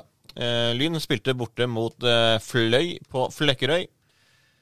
Lyn var suverent best første halvtimen. Da kunne de skåret nesten hur mange mål som helst. Skapte utrolig mange sjanser. Det som var spesielt framtredende å se der, var hvor mange sjanser de fikk når de spilte lange baller opp på Andreas Hellum. For han var veldig flink til å altså, få tak i ballen, ta ned ballen, holde forsvaret unna seg og sette opp da enten om det var Andreas eh, Ole Breistøl, eller om det var Anders Bjørntvedt Olsen, eller legge tilbake til, til midtbanen med, med Solberg Nilsen eller Julie Skaug, eller sånn, for, altså, for å skape muligheter på den måten. Og det så du gang på gang på gang gjennom hele kampen. Eh, og Andreas Hellum leverte jo sin klart beste kamp for eh, året, i hvert fall eh, det jeg har sett. Han skårte to praktmål. ene etter eh, var vel tre-fire minutter. eh, da han skårte på akkurat det. Lang ball, dempa den, vendte vekk sin mann, og så bare køla han ballen mot det lengste krysset. Som jo ingen da fikk se, selvfølgelig, fordi kameramannen ikke hang med. Det går fort i svingene. Ja, ja, ja. Og 20 minutter senere så gjorde han akkurat det samme, men da fikk han jo en, en pasning. Eh, vendte rundt, eh, og så skjøt han det andre krysset. Eh, rett, da skjøt han rett fram i krysset. Andre gangen skjøt han i hovedkrysset. Men Lyn får jo da på en måte eh, litt sånn uttelling for det de var inne på etter tapet mot Vålerenga. At eh, Vi har snakka med Julius Skau, som skåra målet. da. Vi nevnte kanskje ikke målskåreren i den kamp- cupkampen mellom Lyn og Vålerenga, men eh, Nei, ja, det er så mye annet også kom. ja, vi har jo det. Men Julius Skau skåra i hvert fall for Lyn, eh, og var jo veldig han, han var jo egentlig veldig fornøyd etter kampen. Han syntes det var dritkult å spille kampen foran så mye folk og alt dette her. Det var jo litt utenom det vanlige for veldig mange Lyn-spillere. Eh, men han var jo inne på det at dette, denne prestasjonen er jo god, selv om det var tungt å tape helt på tampen. Og hvis man kan bruke det til noe i serien, så, så har det fremdeles en verdi, den cupkampen Mm. mot Vålerenga. Og Derfor så følte jeg at det var veldig viktig at de fikk noe ut sånn umiddelbart. Selv om ikke dette var den vanskeligste bortekampen eh, de kommer til å ha denne sesongen. Men som du sier, Pål, hvis, hvis de var såpass dominerende, var, var gode i denne kampen, hadde god kontroll, vinner 3-1, så kan man sikkert tenke at ok, men kanskje Lyn har spilt på seg litt selvtillit da, etter den Vålerenga-kampen. Kanskje, det, kanskje kan det, dette brukes til at man kan hekte seg ordentlig på i toppen der. For det, det, som vi er inne på, Kjelsås de ser ut til å, eh, til å røre litt for, mye bort, litt for mye poeng innimellom i serien. Grorud er eh, ustabile, hopper litt hit og dit. Lyn er egentlig det eneste Oslo-laget jeg føler vi kan ordentlig tro på. Kan Ja, eh, altså, jeg melde Jeg tror at på det. Lyn har det høyeste eh, Snittet. Ja, høyeste snittet. Altså, altså beste nivået Ja. når, de, når de er på dagen. Det er jo, eh, som du sier det er altså, noe med Kjelsås når de spiller på sitt beste, og de er fryktelig ja, gode. Ja, ja, men, men det er stort sett på hjemmebane. da. Ja da. Lyn kan også vise det på bortebane. Det var det de gjorde her. altså Ta med siste målet de hadde i den halvtimen som de var veldig veldig gode i. Eh, Det også var da eh, Hellum eh, vendte opp ballen, eh, slo da gjennom Anders Bjørtnes Olsen, som skårte alene med keeper. Ja. Eh, Så den første omgangen var de totalt dominerende. Etter pause så, så kom Fløy mye mer inn i kampen. Eh, De hadde en god del sjanser. De fikk jo et relativt billig straffespark, eh, må jeg si. når... det så ikke ut som det var veldig mye kontakt når Peder Dobland gikk ned der. Eh, også på slutten så hadde Alexander Lynkeeper Alexander Hullen Pedersen ganske mange gode redninger. Ja. Så, så det var eh, Til tross for at de var ekstremt dominerende i, i spesielt første halvtimen, den første omgangen, så, så var det liksom sånn at eh, Hulian Pedersen holdt de liksom litt inne i kampen på slutten. Eh, så, eh, men men en, en, en fullt fortjent seier, og veldig imponerende det de viser, i hvert fall før, eh, før pause. Ja, Fløy er jo faktisk bunnlaget her, da. De har, um, de har skåret tre mål til nå. Ja. Um, mens Lyn ligger jo på den tredjeplass. Bare, det er bare ett poeng på, fra kvalik. Hvor Som den plassen som Arendal har i dag. Men det er det jeg mener, no, sånn når du skal møte da rett etter du har spilt mot Vålerenga, du sier eh, nå må vi få dette her til å bety noe i serien, Mm. og så skal du eh, bort og spille, sånn, selv om det er det dårligste bortelaget, eh, så skal du bort. Men du ser også at det er eh, et av de lagene du bør vinne hjemme som borte mot. Og da hvis du ikke gjør det etter den kampen mot Vålerenga, på en måte, så føles det litt ut som at ja, da fikk vi kanskje ikke noe ut av den kampen likevel. da. Nei. Men nå kan de prøve å ta med seg den lille selvtilliten de fikk fra Vålerenga-kampen. Bygge litt selvtillit mot, eh, mot Fløy her også. Eh, Se på, kan gå inn på tabellen og se at ok, vi ligger på en tredjeplass. Vi er, de er riktignok sju poeng bak eh, Egersund, men I hvert fall seks. er det seks, kanskje? Ja. Ja. Jeg fikk opp at Egersund hadde 20. Nei, Bare, ja. Stemmer det. Ja. Men, men uansett, eh, det er litt opp, men det er fortsatt nok kamper igjen til å gjøre det. Nå skal de ha treff i neste, eller treff. Treff. Vi skal ha fest på Bislett på lørdag kveld mot treff, for de skal feire Bastionens 30-årsjubileum. Ja, stemmer. Det opplyste de om under Ja. den kampen mot Vålerenga. Så de, De, de sa 'kom og støtt' Nei, 'kom og støtt Bastionen', eller noe sånt, sa de. Ja. tenkte jeg, 'kom og støtt', er ikke det Det er jo Bastionen som pleier å komme og støtte. På en måte, hvem, ja, nå er det spillerne som skal komme og Nå skal spillerne komme og støtte bastionen. Vi håper håpe at de husker å vinne i matchen nå, for det er vel tross alt det viktigste. Ja, for Treff er et lag som du liksom Ja, det slo jo Kjelsås nå sist, da. Ja, Så og det- de er jo der oppe, dem òg. Ja visst. Ja, De ligger jo på to poeng bak uh, Lyn, bare. På Mm. lik poengsum som, eh, som Kjelsås. Det er, det er nesten toppkamp. Ja, det er en såkalt nesten toppkamp. Men det er vel gratis adgang for alle under 16 år eller noe sånt da, i, på, Ja. på lørdag. Og Så- Det er mye, mye mobilisering. Ja. Så de, de, Det blir, de, eh, det blir en stor, eh, stor kamp, det, altså. Men eh, Nei, det er jo litt det som vi var inne på i den eh, som vi snakka om tidligere i uka. Altså, det er jo Egersund på topp ser jo ganske stabil ut, mens bak der, altså Arendal eh, for Lyn, da. eh, som jo kanskje er det laget som, som hvis vi skal sette et, eh, Sette vår lit til eh, de som skal, skal blande seg inn i den eh, kvalifiseringen, så er det kanskje Lyn som har det mest stabile uh, toppnivået. Uh, I hvert fall så ser du opp, både hjemme og borte. Ja. Ja, og men da, stabile toppnivå er jeg også enig i. Ja. Det er bare at det, liksom det aller høyeste toppnivået, der tror jeg faktisk Kjelsås har en, enda et knepp. Men, men det Ja. hjelper ikke noe, det. Nei, det viktigste er at, ja. at det er godt nok over lang nok tid. Uh, og da tror jeg, Men, men Arendal uh, er jo mye større muligheter for å, uh, å ta. Men så var jo det som vi har vært litt inne på, at det, både Arendal og Egersund er jo egentlig litt sånn nestenlag. Som jo når det ser ut til at de greier skal få til noe, så greier de liksom å mislykkes allikevel. For det var vel med nød og neppe at Egersund slo Grorud nå, på Grorud? Ja, eh, ja jeg så jo, så jo den kampen også. Egersund hadde en sånn eh, kvartersperiode der de var fullstendig dominerende. Altså, de hadde full kontroll. De kunne, altså, det så ut som de liksom bare Det var også den perioden da Stian Michaelsen, tidligere Vålerenga Nei, Vålerenga, som er Vikingtalentet, eh, avgjorde kampen. Eh, Skårte 1-0. Fikk ballen litt ut på, på, på kanten, inni eh, Skeids eh, 16-meter, og så la han den i en, i en bue rundt keeper. Eh, Og i den perioden så så det ut som Egersund hadde full kontroll eh, på, på kampen. Eh, styrte rundt med, med Grorud. Grorud kom ikke ut av, av eget forsvar. Men så greide Grorud å spille seg inn i kampen, som var veldig veldig imponerende. Grorud. De hadde jo et skudd i stolpen rett før pause. Og andre gang så var det helt, helt jevnt. Det, det ble ikke skapt så mange store sjanser, men, men det var liksom Altså, det var ikke noe som minner om at Egersund liksom er det dominerende laget som har vunnet eh, nesten alle kampene sine. Så, så det var liksom ikke så stor forskjell på, på Grorud og Egersund. Men Egersund gjør akkurat nok til å vinne kampene sine. Eh, og det er jo liksom Det, det er kjennetegnet for et lag som som, eh, som, som vinner og, og rykker opp til slutt. At de, altså også i sånne kamper borte mot Grorud, som er en tøff kamp å spille, at de gjør akkurat nok til å få med seg tre poeng. Ja. Og Lyn har vel både Egersund og Grorud Nei, Egersund og um, Arendal? Arendal Ja. på hjemmebane i løpet av høsten. Ja.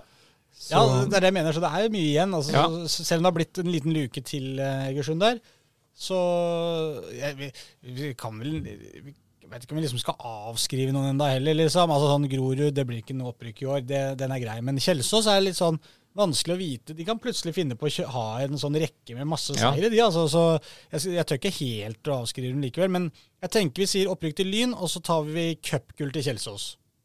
det er ikke noe dårlig Nei. alternativ. Ja, greit? Grorud Grorud blir liggende bak. De hadde jo ambisjoner om å, å rykke opp, de òg. Jeg ser eh, de starta med både Elias Orflot og Didrik Sereba på benken her. Det er jo relativt etablerte spisser, så jeg vet ikke hva som ligger bak de valgene der. Men, eh, Nei, det, men altså begge kommer inn etter hvert. Ja, Vi, vi snakka vel også litt om det tidligere. Det er litt spes, mer spesielt med, med Årflot, fordi eh, han kom jo inn i, altså, i sin redebut da, Ja, ja. eh, og, og skårte på slutten. Og er liksom eh, Det er jo ikke sånn at Grorud skårer flust med mål. Eh, og han er jo en person som veit hvordan det er å skåre på Grorud. Mm. Eh, Så at han da eh, fikk eh, spille såpass lite. Men nå skal det jo sies at når eh, Aarflot kom inn, så var det jo ikke sånn at han satte fyr på noe som helst. Det var jo ikke sånn at han eh, skapte masse sjanser og så, eh, Men, men, men det, det ser jo litt ut til at de, de sliter litt med å finne de rette konstellasjonene framover på, på banen. Mm. Eh, og så er det jo da allerede 11 poeng opp til, til Egersund, så det ser jo litt ut sånn at det Grorud-laget er litt sånn som vi, vi sa da etter vi hadde sett det i, i oppkjøringen. At det, det er litt for ustabilt uh, ennå. De har ikke helt funnet eh, den, den balansegangen og, og, og fått utvikla satt et nytt lag som skal ta det opp igjen i, i første divisjon. Jeg må si at Når det kommer til Grorud, så forventer jeg når du ser laget der, spillerne som er der, Ja. så forventer man jo egentlig at det skal være bedre. Eh, samtidig, de har ny trener, og det er mange, selv om det er gode navn på papiret, så skal det ta litt tid på en måte, og kanskje få samkjørte. Men det man må få se av Grorud nå utover denne sesongen, de kan egentlig bare skrote hele tabellen, drit i den tabellen. De kommer til å klare seg, de kommer ikke til å rykke opp.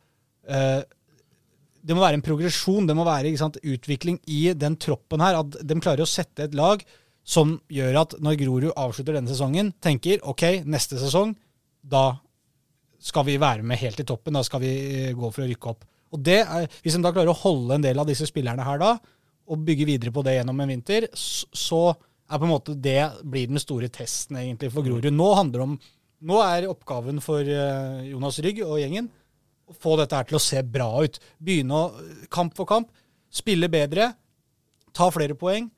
Eh, avslutte sesongen med stil, positivitet inn i vinteren, og så kline til neste sesong. Det tror jeg på en måte er sånn langsiktige tanken til, eh, til Grorud. Ja, for det er tydeligvis noe utfordring på det avslutninger. da. De har jo bare skåra seks mål på, på åt, sine åtte første kamper. Seks mål er lite. så Lyn har 17 skåringer på, på sine mm, åtte første. Skei... Nei, hva sa du? Lyn? Lyn, ja. Men Jeg snakker om Grorud, hvor mange de har skåra sammenligna med Lyn. Ja, med Lyn, ja. ja. Ja. Så mm, det, er det, er, virker som det er litt prøving og feiling i hvordan de skal spille, hvordan angrepet der skal komponeres. Men Fredrikstad har bare skåra ni mål i første divisjon, ligger på Ja. fjerdeplass. Ja, ja, ja. ja da, og Kjelsås har bare skåra ni mål i serien. Så Så mye kan løses med forsvar. Men, ja, men da er vi ferdig med den. Ullern de har vel nesten ja. Ullern tapte igjen 2-0 Ja. for Strømmen. Er det eneste laget da, som da ikke har vunnet en kamp i, eh, på Snorligaen. Eh, allerede sju poeng bak eh, siste trygge plass etter åtte serierunder. Så det ser jo veldig tungt ut, men vi gir de ikke opp for det. Så kan vi nevne at neste serierunde da, så møter jo Grorud Vard Haugesund borte. Lyn treff, som vi har som vi har nevnt. Og så er det jo da også et lite mini-by-derby Er med ikke når eh, Grorud møter Vard, var det det du sa? Ja. Skal ikke du skyte inn noe da, Reidar? Ja, om Vard, ja. Ja, cupfinalen 1975. Ja, ja, ja, det Hvordan gikk den De igjen? spiller jo og blått. De tapte for uh, Bodø-Glimt. Ja, Ja. sånn det. Arne Hansen skåra. Ja. Ja, dette, det, ja, ja, ja. Dette tar vi hver gang vi snakker om Vard. er Ja, det var det. Vi har snakka om før i dag, har vi ikke det? Jo, vi har det. Ja. Du glemte det da. Jeg glemte det da. Ja. Ja, det var det du veldig fint at du minner meg på Du glemmer aldri cupfinalen i 75. Den glemmer vi aldri. Nei. Nei. Nei. Eh, da. Kjelsås-Vålerenga 2. På mandag. På Ikke mandag, ja. Jo, Ja. 12. Ja, men det blir, en- det blir morsomt på Grefsen stadion, det òg. Ja, og hva slags lag kommer uh, Vålerenga ja. 2 med nå, når det er Akkurat bortekamp? det som er veldig gøy, fordi eh, Vålerenga 2 har jo fått veldig mye kritikk for det der, Ja. og veldig rettmessig. Mm. Men nå er det jo tross alt i Oslo. Ja. Kommer de da til å stille liksom med et Altså, altså det beste Vålerenga 2 kan stille med, da, Mm. mot Kjelsås, så kommer jo ikke den kritikken til å stilne. Nei. For det er jo akkurat det som er Men det ser ikke ut som Vålerenga har noen plan om å prøve å stille den kritikken. Nei, nei, altså de, de bryr seg jo ikke om den kritikken. Altså Vålerenga 2, det er jo altså Alle veit hva Vålerenga 2 kommer til å gjøre.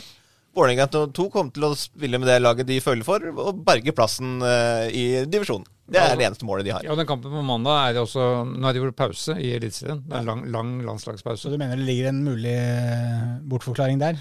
Hvor de kan snakke seg, de si at det nå er en pause, så nå går det fint at de kan dra på bortetur Ja, ja. Ja, ja da. De, nå, nå, Det har jo ingenting å si at det er bare, at det er bare 20 minutter unna Intility, på en måte. Det er fordi det er pause. At vi Det er fordi det er bra pause. lag. Ja, ja, så nå, bortsett fra Stefan Strandberg, så kan du stille med hva, hva du vil. Nesten. Det er litt sånn ikke, gøy men- hvis du ser på uh, Vålerengas 2 sitt kampprogram. Så er Det det, er jo gøy.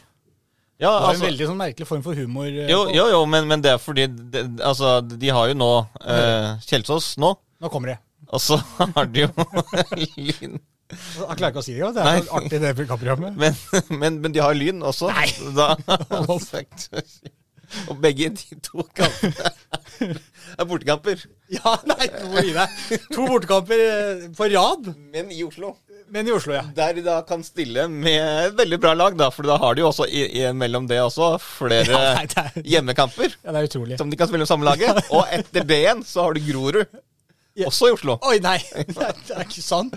Det av det morsomste jeg har hørt. Så, så da fram til 14. august, Ja. da det møter Vard Haugesund, Ja. så er det da altså store Det er borte. muligheter.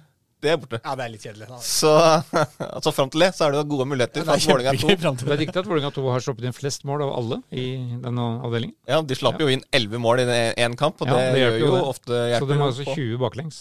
Ja, Hvor mange har de på hjemmebane? Én? Ja, det er vel Ja, det tror jeg. De har sluppet inn flest, flest i ligaen, og ett hjemme. Det kommer til Ålesund 2. Mm, ja. Det, ja. Jeg tror det. Men, men ja, altså det, det, men det bare viser bare at Vålerenga 2 kan jo da stille med bedre lag. Altså både hjemme og borte. Ja, det er Fordi kjempegøy. hjemme borte, altså Bortekampen deres er på hjemmebane, på en måte. Ja, ja, nei, jeg skjønner det. Så det Jeg var, bare det var litt anbefaler alle å gå inn på fotball.no, og så søker du opp Vålerenga senior med en B. Og så se på den terminlista der. Det er hysterisk, eh, det som er i. Det er litt, litt gøy. Ikke ekstremt gøy. Litt gøy. Du syns det er kjempegøy, På. synes- ja, er- Tredjedivisjon, vi må videre fra dette fjaset her. Ja. Men uh, Nors, verken Nordstrand eller Frigg vant, nei, vant sine kamper, så de er i ferd med å bli hekta av i opprykkskampen her. Dessverre. Ja. Synd for Frigg, da, som vi, dem har vi, nevnte vi vel ikke i cuppratet. Nei, men, Men, du kan få ta noen ord om det nå, hvis du vil. dem er jo et av de morsomste lagene i trikkeligaen, hvis de skal bruke samleposten og se på. Du så dem jo nå, var kanskje ikke fullt så morsomt mot Lok- Lok- Lokomotiv Oslo, men eh, Du skal ikke se bort fra at Pål syns også det var ganske ja, det morsomt. være Altså, jeg syns det er for morsomt til fotball, jeg. Men, eh, men nei, altså de mot eh, Serpelona, som de heter, så leverte du en strålende forestilling. De leda jo uh, 3-1 til pause, var det vel? Og så hadde du jo Nå er uh, det er det cupkampen ja, mot Sarpsborg. Sarpelona. Ja. Eh, og da var det eh, De hadde jo 3-1 til pause, ja, så hadde jo en avslutning på overtid på 3-3 der, som gikk i tverrligger. Før de da tapte på, i ekstraomganger. Men, men de- altså, de, de viser det De har en herlig offensiv stil. Det skaper masse sjanser, hauger av sjanser hele tiden. Skårer veldig mye og er veldig underholdende å se på. Ja. Så eh, det er liksom å ta turen til Tørteberg, det er eh, Men Loki fikk stoppa dem litt. ja, det, de gjorde det. øh, Og, og jeg, jeg, jeg lagde jo en sak på akkurat det, fordi Loke Frigg har aldri slått Loke noensinne. Nei, Eh, det er ikke så veldig lang historie, kanskje. Nei da, de, de har ikke spilt mer enn sånn fire-fem kamper mot hverandre. Ja. Men øh, det er litt som det. Hver eneste gang Luka har spilt mot Frigg, så har de spilt på samme måte. Ja. Og det gjorde de nå også. De la om fra sin vante formasjon og gikk ned i en 5-4-1-formasjon. Eh, la seg veldig tett eh, og kompakt. Flytta bein veldig raskt. Nekta Frigg å komme inn i de der rommene som de ønsker å, å spille i for å skape, skape sjanser. Uh, og, men det var jo ikke det at Frigg ikke hadde sjanser. De hadde jo uh, Ebrima Savané hadde jo en god mulighet uh, rundt Det er bare at vi er vant til at Frigg har så Ja. veldig mange sjanser. Og at de, altså, ja, at de skårer liksom på de, for de skårer jo gjerne ofte en fem, seks, sju mål i kampene. Nå hadde de jo på hjemmebane der nesten fire i snitt før den kampen her. Du skårer vel ikke gjerne fem, seks, sju, åtte mål i kampene, men det, blir så mange mål i hver kamp Ja, ja, de er ja. involvert i. De, jo, ja, ja, de hadde jo sju mål mot eh, Ja, det er riktig. det. Grorud og ni mot Ullern, rekrutten og noe sånt, Ja. var det det? Så, men eh, så, eh, Men den kampen her, altså, det, det var nok sjanser altså, for, eh, for, for Frigg. Eh, Magnus Odland var jo veldig irritert mest over at de da tok ledelsen eh, på en litt kontroversiell måte. Det var jo en eh, corner slått inn i, i, i feltet. Eh, Loke mener at liksom, eh, han som skårte, Ole Johan Måløy, eh, var vel, var litt for eh, altså, aktiv i duellen med keeper. Slik at keeper glapp ballen når han gikk ut igjen i feltet, eh, før da Måløy fikk satt returen. Eh, også, men etter det så var jo Loke-trener eh, Bjørnar Berge veldig fornøyd med at de greide å heve seg da, og faktisk komme tilbake igjen. Fordi det har du jo sett ofte med, med Frigg når de først får et mål eller to. At det er liksom lett for motstandere å, å klappe litt sammen. og slippe inn eh, sju mål på en halvtime, som, som Ulein-rekruttene gjorde. eh, når de, Igjen, Paul, du har en rar form for de humor. der. eh. Det er jo litt jeg, altså, Når du kommer tilbake igjen, holder ut i 2-2 en time, Ja. så slipper du inn sju mål siste halvtimen. Ja. Det Ja, ja, men Frigg, eh, sånn eh, sett under ett, så kjempefin prestasjon da, mot uh, Sarpsborg. Mm. Også litt, uh, litt bråstopp egentlig mot Lukket, da. Men det er, ikke noe, det er ikke noe svakt resultat. Men vi hadde kanskje trodd at Frigg skulle ta den, da. Men uh, Ja, for ambisjonen så jeg går rett opp igjen, og Mm. de har jo sju poeng da, og nå opp til Lysekloster, som stikker ifra i ja, det er veldig sånn bergensdominans uh, i toppen der, er det ikke det nå? Jo da, det er Lysekloster, Os og Sandviken som Ja. ligger foran dem på Ja. Så vi, er, vi vil gjerne at Frigg skal knekke opp i litt av den der Motivet er jo da bare Ja, det er jo siste lag over nedrykksplass. Ja. Så de har bare vunnet én kamp til nå. Ok, men da gutter, tror jeg vi skal uh, rette fokus mot uh, toppserien, kanskje. Det skal vi gjøre, da. Runder vi av med det? For da nevnte vi Nordstrand, som bare spilte uavgjort, da. Og så det er jo da Follo som er, er vel topplaget der i den avdelingen der. Ja, Det er greit. det er greit. Så jeg holder, uh, toppserien, eh, der har de jo spilt Den spilte jo både i helga og, og tirsdag. Der, hadde vi to, der har vi hatt to morsomme Oslo-derbyer. Ja. Først Lyn Vålerenga på, på Ullevål stadion. Eh, historisk kamp på lørdag. Tidenes første damekamp eh, med Lyn på Ullevål. på, på det, som det, det som er Lyns hjemmebane, på en måte. Det som, den banen som Lyn faktisk bygde Ja. i sin tid. Ja. Um, det var i 1926 vel at den ble åpna. Før cupfinalen til Vard Glimt. Det var go god tid før cupfinalen til Vard, og enda bedre god tid før noen tenkte tanken på at Lyn skulle ha kvinnelige fotballspillere. Ja. For Lyd var da en av de siste klubbene i Norge som kom på den ideen. Ja. Det var kanskje ikke noen idé de kom på det sjøl i det hele tatt, Nei, men vi så at det noen syntes at uh, i fotball så spiller begge kjønn. Ja. Ja, men det var nå en uh, digresjon. Men Lyn, lyn Vålinga da på Ullevål, hvor Lyn ikke klarte eh, å nå opp sportslig mot Vålinga. Det var en uh, spillemessig en nærmest enveiskjøring. Stine Ballesager Pedersen og Oslaug og, jeg holdt på å si Åslaug Haga, men Ja, det er Olaug Tvetten, vil jeg tro. Tvetten er noe helt annet. Ja, Olaug Tvetten skårer jo mål i hver eneste kamp, Ja. så det er jo Jeg tok en råsjanse på din Åslaug Haga var uh, Olaug Tvetten. Ja. Det, Sånn, sånn, sånn er det. det. Det dukker opp mange navn når man har levd lenge. Uh, Litt kjedelig for Lyn at ikke de skårer da, i hvert fall på Ullevål, når de først spiller der. Ja, det er dumt. Så da stopp, stoppa litt opp for uh, toppskåreren deres. ja, Anna Aahjem. Eh, Eh, men de kan jo trøste seg med at de satte publikumsrekord. Det gjorde de da. 2514 tilskuere på Ull- Ullevål stadion.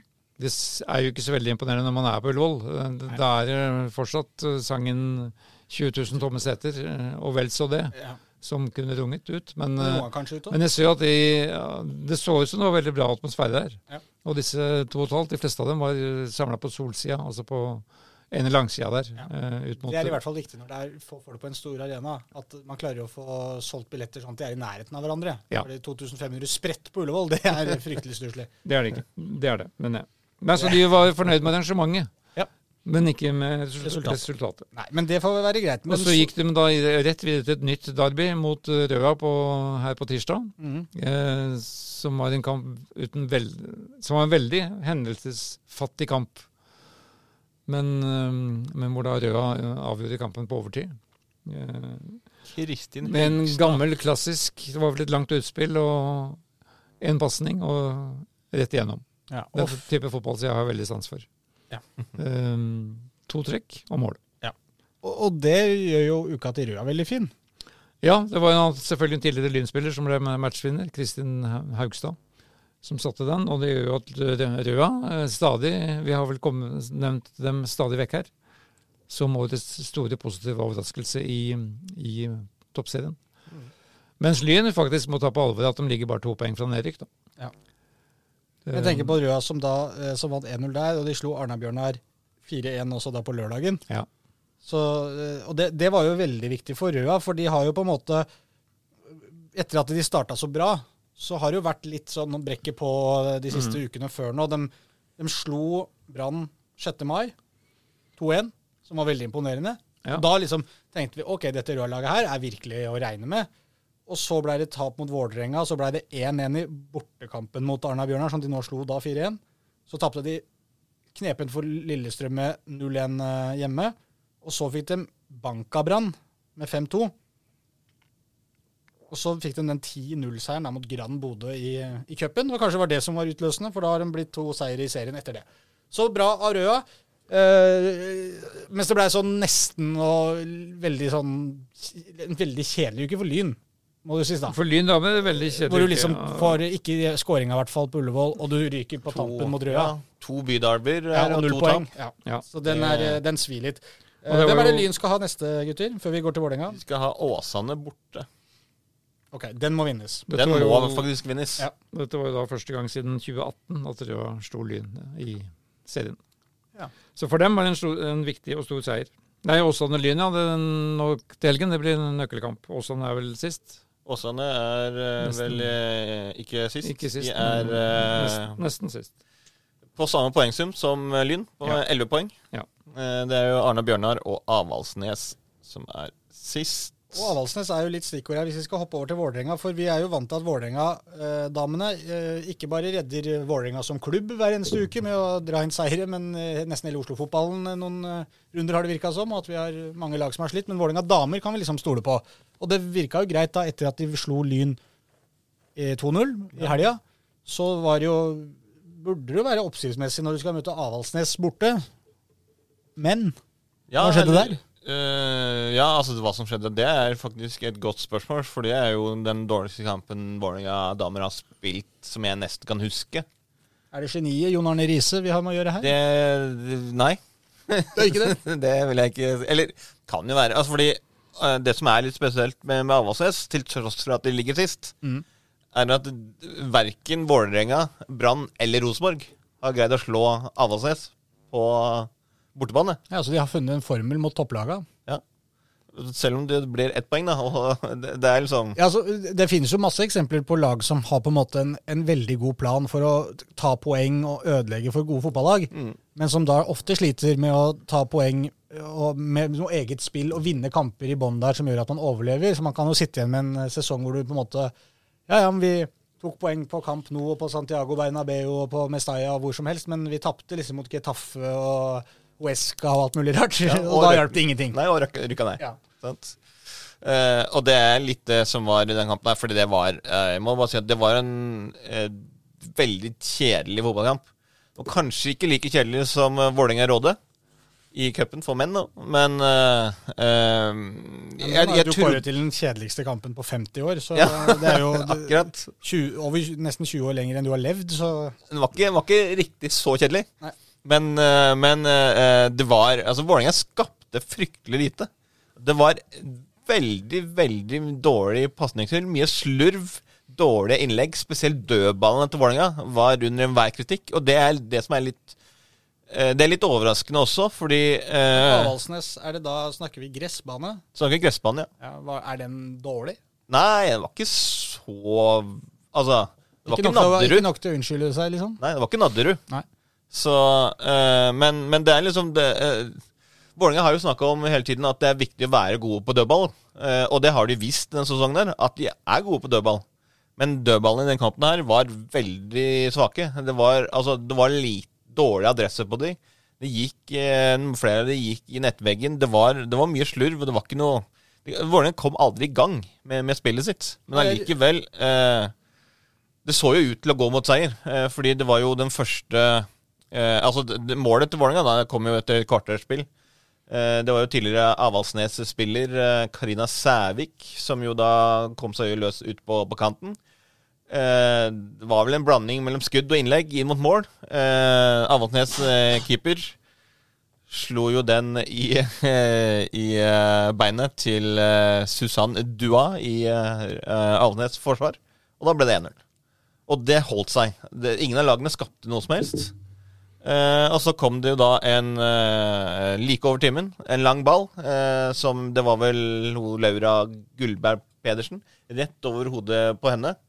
Slik at eh, da de eh, Avaldsnes fikk lagt inn, og da gjorde hun derre Maria Hovemark, som jo annet TV2 har lagd sak på, fordi hun spiller med ikke håret i en hestehale, som alle andre lag gjør. Alle andre lag? Nei, alle andre spillere gjør. Dette var jo da tidenes sensasjon, kunne Jorn Jon Arne Riise og TV 2 melde her for et par uker siden. Hun da kom, sneik seg foran eh, Stine Balleshager Pedersen og hedda ballen da kontant eh, ut i hjørnet som udagbart for Guro Pettersen, Jeg som tror det eh, med sånn hestehale det, for, eh, altså det, Alle begynte med det etter at eh, det derre svettebåndet forsvant ut.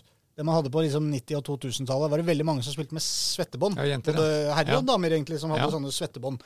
Og da trengte du ikke den eh, hestehalen, men når den falt av moten, ikke sant, da må du jo få bort håret på et eller annet vis, og hestehale er jo det mest praktiske. Ja, Eller det ikke, da, som Maria Håmark eh, da ikke gjør som den eneste spilleren i verden. Det blir åpenbart. mye hår overalt da, hvis du har mye hår. Ja, ja, det ser jo sånn ut. Men, eh, men nei, altså eh, Og etter det Du, du venta liksom bare på at Vålerenga skulle sette inn et ekstra gir. Bare komme liksom Ja, ja, vi får det med oss, men det jeg skjedde aldri. på, jeg venter på første dama som kjører Haaland, kopierer Haaland. Han har jo såpass langt hår at du kan jo kjøre en sånn der dot, sånn som han har eh, bak på huet. Ja, sånn, hva, ja. hva heter det? Bot? Bot, var det sånn? Nei, en dot kalte jeg det. Dot? Dot. Heter det det? Nei, det, Manbun-opplegg på Ja. en sånn Ja. men eh, ja, det, det kan jo masse Det er mange Hårruller. damer med langt hår. Kan gjøre. Hårruller? Hårruller. Vil du ha tilbake hårruller? Ja. Skal du gjøre sånn som Gareth Bale spilte med kam i håret? Med kam, ja. Ja, Ja, ja. gjorde du det? Ja. Denne kampen eh, Denne for, kampen. ene kampen, ja, for eh, husker du ikke, et par år siden, så stilte han med kam ute på banen. Ja, bare glemte å ta den ut, da. Ja, det, åpenbart. Men uh, Men vi nærmer oss VM-uttak. Åssen sto Guro Pettersen nå? du hadde jo eh, Det var ett Hadde én en redning. Nei, altså uh, Hadde ett skudd på seg, cirka, omtrent. Og det var det som gikk inn. Ja. Men hun var altså ute i feltet, var god, god ute i feltet, var flink til å uh, Det er bra du nyanserer det, Pål. Keeperarbeid er mer enn bare å redde skudd, Reidar. Ja, ja, ja. Dette er jeg fullstendig klar over. eh, Så nei, altså, Guro Pettersen eh, sto, en, eh, sto en god kamp. Hun var selvfølgelig litt eh, irritert med at hun ikke redda det lille hun hadde å gjøre. Eh, samtidig så så jeg jo at eh, konkurrent Aurora Michaelsen ble kåra til banens beste eh, for Brann i sin forrige kamp. Ja. Så eh, Men Brann ligger jo bak Røa på tabellen, så ja ja, hva er, godt, hva er det godt for, liksom? Men eh, nei, altså, jeg Nå, nå er jo, nå er jo førstekeeper Jalen Thompson skada, Okay. så nå har jo Guro Pettersen spilt tre kamper på rad. Ja. Uh, og jeg håper å si vi, vi får jo krysse alt vi har og håpe på at det er Det kom liksom i grevens tid for Guro Pettersen, slik at uh, hun får blitt med til, til VM. For det syns jeg hun, eh, hun fortjener. Jeg så hun var jo med landslaget på Freia-reklame på TV-en her, i hvert fall. ok. Der var ja, han. det er en begynnelse. Ja. Ja. Kanskje det er et frampek. Så, så nei, det er bra det, men jeg eh, Karina Sævik er nok garantert med, men jeg håper jo også de tar med Olaug Tveten. Ja. Fordi Olaug Tveten har vært eh, Når er det det uttaket kommer? Det, det kommer nå med en Det må være snart, for Ja. selve VM begynner 20. juli. Det er Ja. jo lenge til, men de skal jo reise bort i ukevis i forkant for å akklimatisere seg. Dette Ja. skjer jo i Australia og New Zealand. Så det er ikke så lenge til den troppen kommer. Det er bare å få på seg svarte plastsekker og begynne å løpe. Det er ikke så varmt der, så det trenger vi okay. ikke. Nei. Er det kaldt der? Er det ikke vinter, da? Jo, Det er det er midt på vinteren. det. Ja. Det er jo helt merkelig. Ja. Det, det er sant. Så, Men eh, vi konstaterer at Elise, Elise Thorsnes fortsatt ikke er i troppen engang. Så Nei. hun er, eh, hun Fortsatt. er rett og slett langtidsskada. ja, fortsatt skada. Og Vålerenga, med- jeg bare ser, Er det riktig i tabellen her med at Vålerenga har spilt én kamp mer enn eh, Rosenborg og Lillestrøm? Det er riktig. Ja. Ja, så, eh, og det, det skal på en måte ikke noe mer til enn én sånn uavgjort. Så ser du nå, hvis Rosenborg da vinner den, hengekampen i forhold til Vålerenga, så har de 32, da er de fire bak Vålerenga. Det har liksom føltes mye mer komfortabelt ut enn det, på en måte. ja da, og jeg tenker jo på bare- den, eh, tenker jo litt på denne Du får vel bare tre eh, poeng for seier. ja, Er de Ikke ikke 29 ja? Ja, 28. Det har blitt trukket ett poeng Å, ja. for økonomisk rot. Rosenborg? Rosenborg, ja. Ja, ok. ja. ja okay, 37. Nei, men jeg tenker jo litt på den eh, mesterligaen som kommer i september. Det er ikke noe de, det det er ikke betryggende sånn sett, men eh, sånne kamper som mot Avaldsnes Nei, men samtidig så eh, Jeg håper å si jeg både, både jeg og de aller fleste vel som jeg leste etter den kampen, så vel ikke helt hvor det resultatet her kom fra, eller den prestasjonen. Nei. Eh, så jeg, jeg, jeg velger å tro at det vel kanskje er et eh, mer enn et blaff enn at det er liksom sånn Vålerenga kommer til å operere fremover. Fordi så langt i sesongen så har de vært, altså, de har vært veldig gode til å ta alle kampene for seg selv, være veldig profesjonelle og gjennomføre på, en- på en god, god måte. Eh, så at de har noen sånne At ett skudd sitter ute på femmeren, på en måte, det gjør ikke noe hvis resten går innertier. Nei da. De Kan kan fortsatt bli skytterkonge. Nemlig. De kan slå kraftig tilbake da. De har Brann på Intility på lørdag. Ja. Så da kommer returen. Så da kan vi avslutte med, oss, med den menyen som er denne helga her, før, eh, før det blir pause på mange nivåer. Hva kan du by på, by på? hovmester Solli? Vi, vi starter da Ja, det er jo litt komplisert på at noe av dette går samtidig, da. Men Nordstrand Oppsal er jo en liten godbit Det er absolutt en godbit. på, på, på Niffen. Da snakker vi, Hvilken dag er vi da på nå? er vi på lørdag klokka 15.00. All right. Da er det bare å møte opp. Møte Starter det der. Og de som ikke velger Niffen eh, da, da kan dra på Intellity og se på Vålerenga Brann, som går samtidig. Klokka 15. For damer. For damer. Ja. Eh, og så kan man da for, sideforskyve seg ned til Bislett klokken 18.00, hvor Lyn Treff eh, har denne bedemmelige bastionhyllesten klokka seks. Fantastisk lørdag så langt. Fantastisk lørdag. Og så er det vel da en mesterligafinale senere på kvelden som noen vil se på TV. Ja, Kom så- noen av våre lag dit? Eh, ingen av våre lag kom dit, Nei. men eh, en det kan jo nordmann, være gøy å se en eller annen nordmann er med, visstnok. Ja. Og så er det da søndag, Skeid Koffa klokka tre på Nordre Åsen. De skal jo, er det City mot eh, det, det gamle fienden til Manglerudstad i hockeyfeber, er det ikke det? Det stemmer. Inter? Inter, ja. ja. Og den spilles i Tyrkia, var det det? Istanbul? Ja, det blei det til slutt. Jeg tror det. Det holder fast, der, ved- men det holder fast det, ved Istanbul, ja. Eh, ja, altså de Se har ikke, de har ikke endra der. Nei, Nei, det har de ikke. Vi- Nei, så da Skeid Koffa Det er vel 15.00 på Nordråsen på søndag. Da har du fått hvilt, da er du ferdig med den Jeg har lørdagen. fått hvilt. Og så eh, har vi jo da 15.00. ti minutter på å komme deg bort på Intility og se Vålerenga Strømsgodset klokka fem på søndag. Ja. Men da kan du se an litt Nordre Åsen-kampen, da. Hvordan Ja. det går der. Hvis det er liksom, Skeid leder og det er liksom avklart langt på forhånd, så det pleier å være, Ja, riktig. så kan du jo bare stikke en halvtime før. Ja da. Hvis det er Og stillinga 5-0, liksom. 4-0 ved pause, så er det jo bare å stikke videre. Ja. Det er det jo ofte. Og så er det jo da, som vi nevnte Du kan aldri dra fra Nordre Åsen selv når Skeid leder 5-0. Det kan bli 5-5. Og så kommer vi da til mandag, som vi nevnte, med Grefsen stadion. Ny, ny liten, lite høydepunkt på Grefsen stadion med Kjelsås Vålerenga 2 Ja. på mandag kveld. Da, har, da står det i boka med at Pål har gått på ferie, så han får ikke sett den. Hva gleder du deg mest til, eh, Reidar? Og da er det Bislett Games bare tre dager etterpå, men det er Ja. noe helt annet. For da det er, det er uten ball. Hva skal du, hva, eh, hvis du vil anbefale en noe fra menyen din til eh, lytteren der ute? Nordstrand Oppsal må vi nevne. Den må ses. Da, den, den må ses. Og så liker jeg um, folkelivet rundt Lyn. Så det er to anbefalinger der. Pål, hva blinker du deg ut? Du skal ta noe annet, da. Eh, Ja, ja for å ta noe annet, da, så er det veldig veldig opplagt å ta Skeid Koffa. Ja. Som jo er eh, Det er jo Det er det du vil høre fra kelneren. At du har en helt åpenbar favoritt. ikke sant? Denne, Ja, ja. denne må du ha. Det er Skeid Koffa. Det er jo uh, byderbyet på nest øverste nivå. Det er viktig kamp for, for begge lag, og det er alltid god stemning. Nå har det jo blitt eh, mye rivalisering rundt eh, disse vaflene som de har eh, lagd. Vaffelderby. Vaffelderby har det blitt nå, etter at TV 2 lagde vel en sak med en eh, supporter som var både Ja. på Men denne supporteren er jo fra Moss. Ja, ja, Denne. Så jeg, jeg mener, eh, Hvor mange som har gitt på en måte eh, noen som har sagt at det er de som er fasit på vaffel, liksom bare fordi de spiser pølse i vaffel? Jeg vil jo nesten dra det så langt og si at det er motsatt. Ja. De lager vel så dårlige vafler der borte at de må putte noe annet oppi. Helt enig. Uh, nei, Vaffelekspertisen tror jeg er uh, i, i Oslo. Ja, Det tror jeg òg. Uh, Jeg tror jeg sitter på Ullevålseter eller noe sånt. altså, altså, Mora til Benne Grise får jo veldig ros for bollene som hun serverer til det er sant. ok- oksene fra hver kamp. Men jeg vet ikke om hun er involvert i vaflene.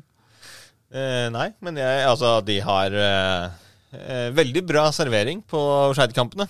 Så den er bare, bare å hylle. Ja, Det er god, det er god servering på Skeikampen også. Ja, det er det nok. Jeg, det jeg har vært oftere på Skeid-kamper enn Skei-kampen. Ja, det tror jeg på, Pål. Ja. Jeg tror ikke det er løgn. Ok, Og men da er det jo bare én uke til eh, Norge-Skottland på Ullevål. EM-drama. Ja, Og for de som da må ha enda mer planlegging, foran Norge-Skottland, Ja. så er det da lokaloppgjøret Grorud-Kjelsås. Bare noen, Samme dag? Bare noen timer, bare tre timer før. For vorspiel. Ja, ja, ja. Grorud Men Kjelsås. dette, dette får vi snakke om i neste Det pod. kan vi snakke om neste gang. Ja. For det kommer en ny pod eh, Ja, om ca. en uke, tenker jeg. Men nå får det jaggu meg være nok for i dag. Nå er vi fornøyd. Takk for, eh, takk for praten, gutter. Takk for nå. Ha det. Ha det bra.